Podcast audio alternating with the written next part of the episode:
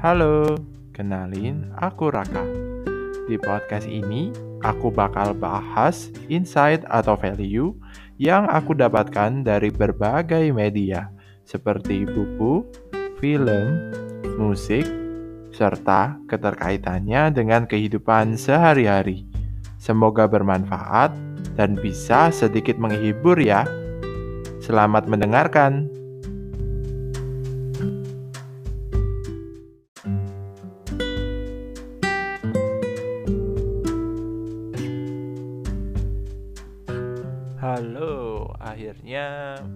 Mulai juga nih podcast ya.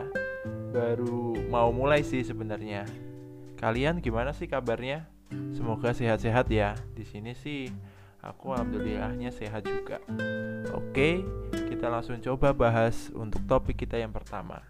Di season pertama ini, saya ingin mencoba membahas tentang sebuah buku berjudul Hidup Damai Tanpa Berpikir Berlebihan.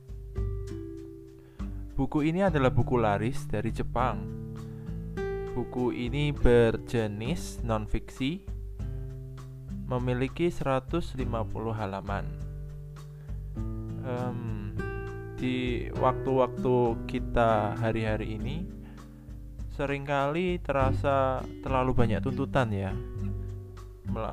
Tuntutan untuk melakukan hal ini, tuntutan untuk melakukan hal itu, dan semakin banyaknya tuntutan itu secara tidak langsung akan membebani diri kita sendiri. Dalam kondisi tertentu, bahkan hal-hal yang membebani ini uh, akan jadinya membuat kita jadi overthinking. Uh, itu bahasan yang paling sering dibahas ya untuk anak-anak yang menjelang dewasa menjadi overthinking aduh aku overthinking nih gimana ya harus harus gimana nih nah dari buku ini buku ini itu akan menceritakan berbagai cara pandang dari sang penulis yaitu Dr. Suneko Nakamura Beliau adalah seorang psikiater yang telah berkarir lebih dari 70 tahun lamanya. Dan uh, beliau berbagi kepada kita gimana sih cara pandang beliau dalam mengatasi setiap setiap mas setiap masalah yang ada di hidupnya. Apalagi dia ini kan seorang psikiater ya, bukan hanya menghadapi masalahnya dia sendiri atau keluarganya sendiri tak pasti tapi dia juga akan sering berpapasan dengan masalah-masalah yang diberikan oleh para pasiennya. Wah, ini pasti lebih complicated ya seorang psikiater. Kita melihat sudut pandang dari seorang psikiater yang telah berkarir lebih dari 70 tahun mengatasi masalahnya sendiri dan juga bagaimana dia merespon tanggapan atau masalah-masalah yang dirasakan oleh para pasiennya. Singkatnya itu rangkumannya kurang lebih menurut dokter Suneko semua masalah itu sebenarnya bisa diatasi. Terutama jika kita mau berkompromi antara perasaan pribadi dengan kenyataan yang ada. Jadi kalau bisa kita terima seapa adanya begitu.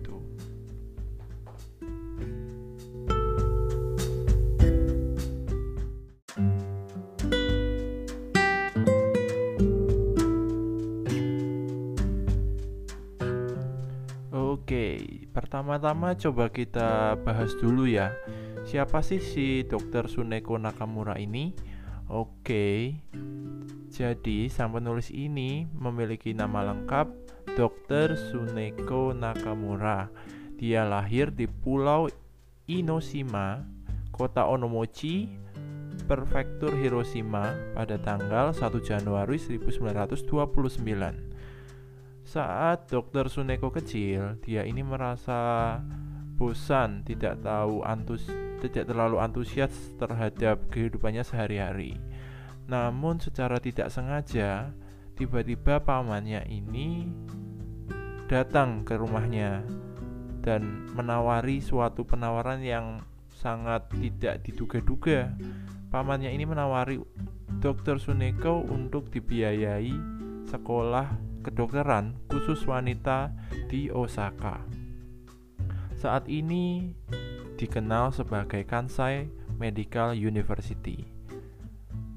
Hal ini sebenarnya dilatar belakangi oleh pada masa itu adalah masa-masa perang di area Jepang. Saat itu banyak dokter laki-laki dan juga para pemuda yang masih memiliki tubuh yang sehat itu malah dikirim untuk ikut berperang. Seperti yang kalian tahu, namanya berperang sama dengan siap untuk mati. Jadi kita harus siap-siap dengan resiko tersebut. Sehingga ada kalanya kita uh, atau ada kalanya Jepang itu merasakan defisit ya seorang dokter di negaranya. Maka kondisi nasional Jepang ini benar-benar krisis dokter lah bisa dibilang gitu akibat para dokter yang dulunya ini didominasi pria jadi sangat berkurang drastis karena semua ikut perang dan kemungkinan yang ikut pulang tuh eh yang ikut perang itu tidak kembali pulang kan jadinya defisit ya sehingga pemerintah ini membuat inisiatif untuk membuka banyak sekolah kedokteran khusus untuk wanita di area Jepang pada saat itu. Um, kurang lebih kehidupan pada saat itu digambarkan sangat suram terutama dari sudut pandang dokter Suniko ya uh, pada saat itu yang dirasakan uh, semua orang itu panik. Semua orang itu merasakan ketakutan. Sehingga tanpa disadari kematian itu sampai terasa begitu dekat. Saking lekatnya saking tidak ada jaraknya bisa dibilang kamu jalan e, dua langkah ke depan aja bisa jadi udah kena bom kan kayak gitu ya. Bisa jadi kamu kesandung batu aja tiba-tiba ada orang nembak terus kamu mati kan kayak gitu ya. Jadi saking dekatnya kematian pada saat itu. Bahkan diceritakan juga dokter Suneko ini eh, salah satu transportasinya menuju ke Osaka itu menggunakan kereta satu-satunya dan kereta ini sering berhenti berulang kali hanya karena ada serangan atau adanya pesawat-pesawat dari sekutu yang melakukan serangan di area jalur rel tersebut. Jadi berulang kali Dokter Suneko dan para penumpang lainnya keluar dari kereta. Ya kurang lebih seperti itulah kayak setiap hari itu perang setiap hari itu nggak nggak aman. Setiap hari itu selalu ada aja potensi tertembak atau terbunuh e, dari ke kejaman seperti itu. Dengan lingkungan yang seperti itu dokter Suneko pun merasa e, seolah-olah tidak ada tidak mungkin ada lagi kekhawatiran atau bencana atau kondisi yang bisa lebih buruk lagi dari kondisi pada saat itu.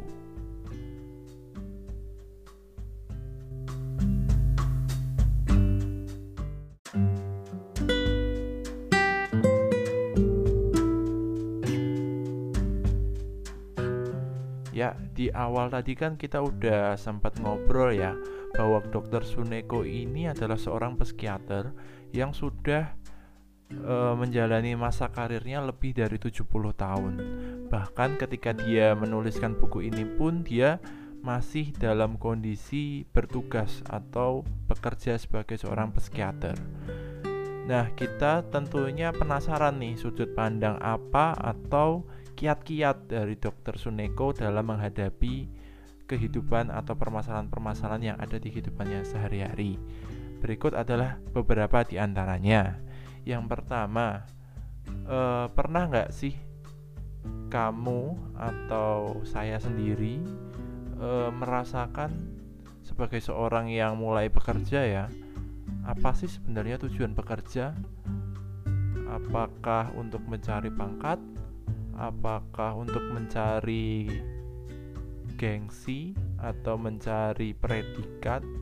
Oh, udah bekerja di perusahaan yang unicorn. Zaman sekarang kan dilihat bentuk perusahaan itu ya yang terkenal dan punya investor besar kayak unicorn gitu-gitu kan. Yang zaman sekarang lagi hits gitu ya. Banyak orang khususnya milenial-milenial itu yang kebingungan. Sebenarnya apa sih tujuan bekerja? Nah di sini eh, dokter Suneko menekankan pada dasarnya tujuan untuk bekerja itu adalah untuk mencari uang. Nggak perlu bersulit-sulit atau neko-neko bahasa Jawanya ya. Nggak perlu berrumit-rumit pokoknya kembali ke hal paling pokok. Sebenarnya tujuan bekerja itu adalah ya udah untuk mencari uang jika kamu sudah bisa makan atau melanjutkan hidup dari pekerjaan tersebut sebenarnya itu sudah merupakan suatu bentuk kesuksesan. Sebenarnya di buku ini pun diceritakan bahwa seorang dokter Suneko selalu mendasari kegiatan-kegiatan di hidupnya dengan sederhana dan mendasar yaitu ya karena saya butuh uang kurang lebih kayak gitu. Hidup ini bagi dokter Suneko adalah perjalanan yang panjang. Maka kalau mau berpikir rumit atau berangan-angan tentang e, makna hidup yang jelimet itu bisa dipikirkan nanti-nanti aja lah. Kan hidup juga masih panjang. Yang penting sekarang fokus kalau sekarang sudah bisa makan dan sudah bisa hidup dengan nyaman ya disyukuri aja nanti makna hidup itu kita pikirkan kalau kita sudah kenyang dan sudah punya kelonggaran yang lebih leluasa untuk berpikir. Oke,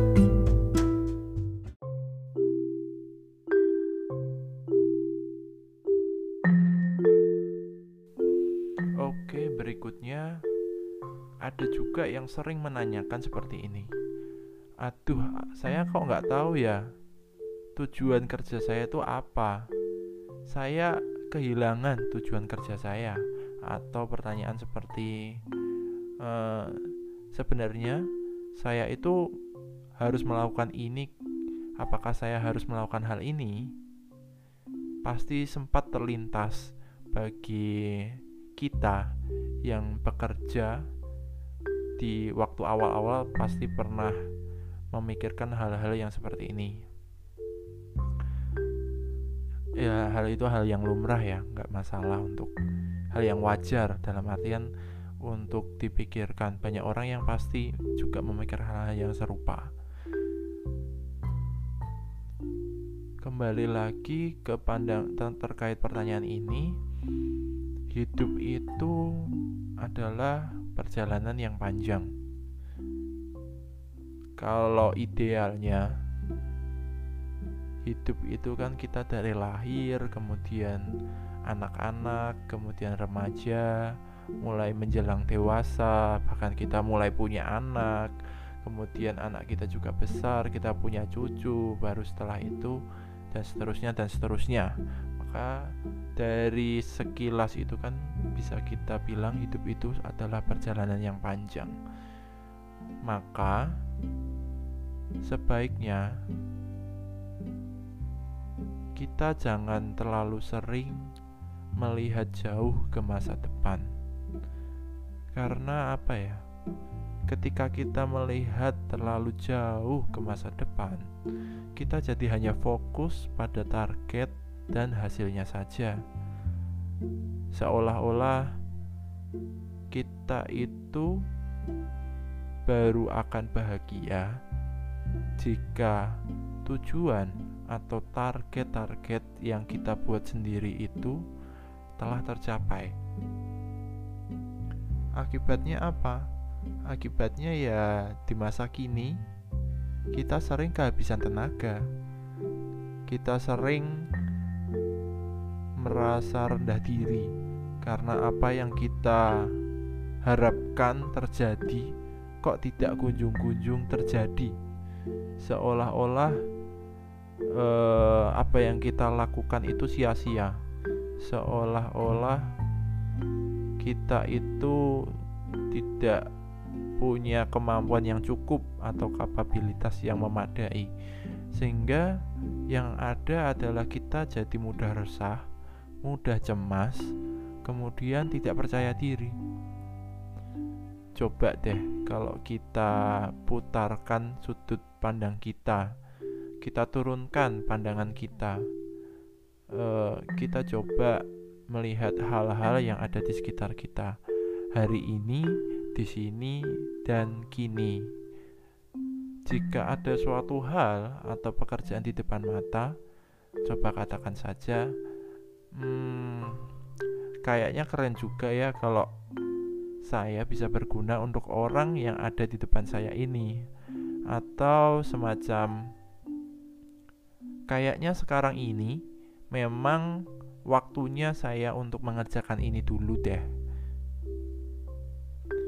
Dengan pernyataan-pernyataan tersebut, kita jadi lebih aware atau lebih menyadari apa yang ada di depan mata kita dan hal-hal tersebut relatif lebih achievable atau mudah untuk diraih. Ketika hal itu yang ada di depan mata kita kerjakan dengan sepenuh hati, niscaya pekerjaan yang ada di depan mata itu akan segera selesai satu persatu sedikit demi sedikit yang ada di depan mata coba kita kerjakan. Satu persatu selesai maka akan timbul kebahagiaan sedikit demi sedikit.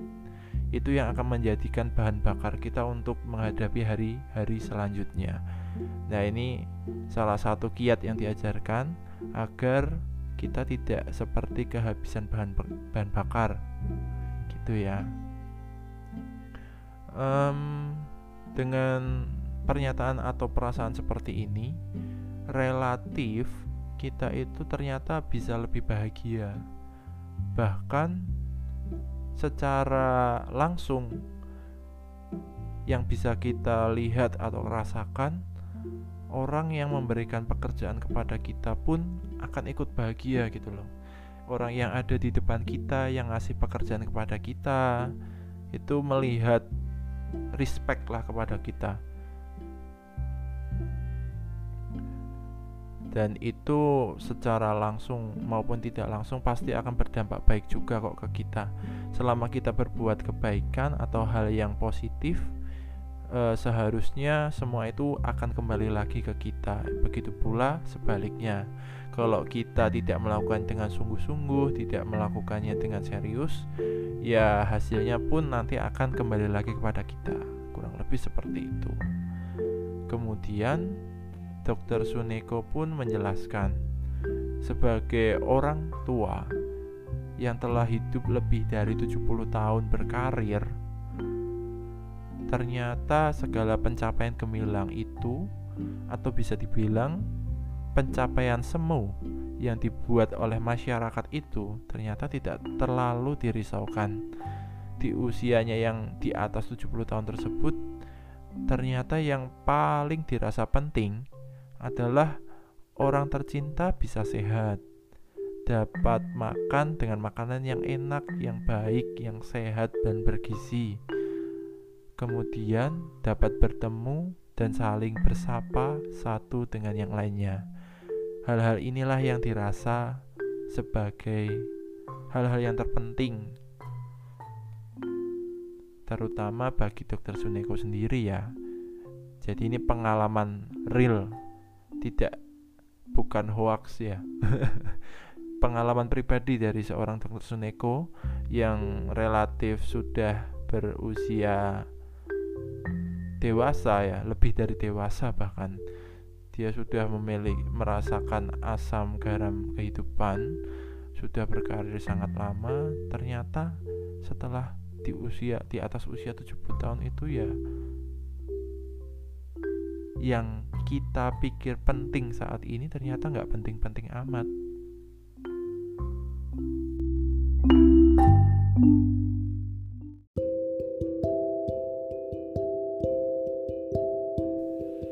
Ya, seperti yang dibilang tadi, Dokter Suneko itu bekerja ya karena keharusan aja, karena harus memang harus mencari uang.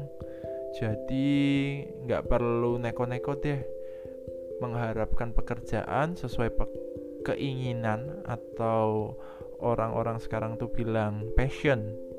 Itu tuh kata Dokter Suneko ibarat kejaduhan duren.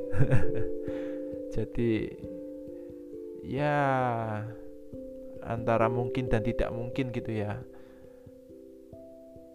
kalau dengan kenyataan yang ada sebaiknya tanamkan pikiran seperti ini lebih baik dikerjakan daripada tidak sama sekali dengan pemikiran seperti ini pekerjaan yang ada di depan mata akan terasa lebih ringan dan kita pun melaksanakannya dengan bersungguh-sungguh dan tidak terlalu terbebani. Kemudian ini adalah poin terakhir dari episode pertama. Kita sering menanyakan, sebenarnya kita itu boleh mengambil keputusan ya atau tidak, berhenti atau lanjut, tetap atau berputar arah. Itu tuh kapan sih sebenarnya? Pertanyaan-pertanyaan seperti ini atau kegundahan seperti ini pasti sering dirasakan oleh kita semua ya. Apalagi orang-orang berusia 20 sampai 30 lah ya. Eh, kadang orang bilang itu usia-usia ini tuh usia-usia quarter life crisis. Jadi kita sering menanyakan atau membimbang terhadap suatu pilihan-pilihan yang kita anggap pilihan krusial dalam kehidupan kita. Sebenarnya, menurut Dr. Suniko, batasan untuk mengerjakan sesuatu itu yang ada di depan mata adalah tidak lain dan tidak bukan diri kita sendiri. Jika kita melakukannya dan ternyata respon dari tubuh kita adalah malah sakit, kemudian keluarga jadi khawatir, terus dirasa selalu cemas, gundah, tidak tenang, beban berat, maka ya tinggalkan aja pekerjaan itu. Jika keputusannya adalah untuk meninggalkan pekerjaan, tinggalkanlah dengan cakap atau sebisa mungkin tidak menyusahkan orang lain. Ini sangat terkait ya antara hubungan seorang individu dengan lingkungan sosialnya. Kita kan nggak pernah tahu di masa depan sebenarnya itu kita bisa ketemu dengan seseorang lain kah atau mungkin kita bakal ketemu dengan bos kita hari ini di masa yang akan datangkah? Atau gimana? Kita kan tidak pernah tahu ya di masa depan ya jangan-jangan rekan kerja kita yang kita rasa toksik hari ini 10 tahun lagi kita ketemu dia malah udah jadi atasan calon atasan kita. Wah kita siapa yang tahu ya? Terus ternyata malah bawahan kita ini bisa jadi kita punya bawahan. 10 tahun lagi kita ketemu dia udah jadi entrepreneur yang sukses ya kita kan nggak pernah tahu hal-hal yang seperti itu kan. Jadi sebisa mungkin jangan menyakiti orang tinggalkan dengan tinggalkan kesan yang baik lah dengan kehidupan atau lingkungan yang ada di sekitar. Jika memang harus pergi atau ting meninggalkan pekerjaan tersebut ya tidak apa-apa. Yang penting tinggalkan dengan kesan yang indah atau tanamkan kedamaian lah terhadap cinta-cinta damai aja ya jadi itu ya diri kita sendiri. Jadi hidup kita ini memang milik kita sendiri bukan milik orang lain. Jadi apa pun keputusannya, percayalah atau yakinkan kepada diri kita sendiri bahwa semua ini pilihan kita sendiri dan kita wajib untuk bertanggung jawab dengan pilihan ini. Jadi nggak perlu risau, nggak perlu gundah. Semua ini pilihan kita dan kita siap dan mempersiapkan diri untuk segala kemungkinan yang terjadi dari pilihan tersebut.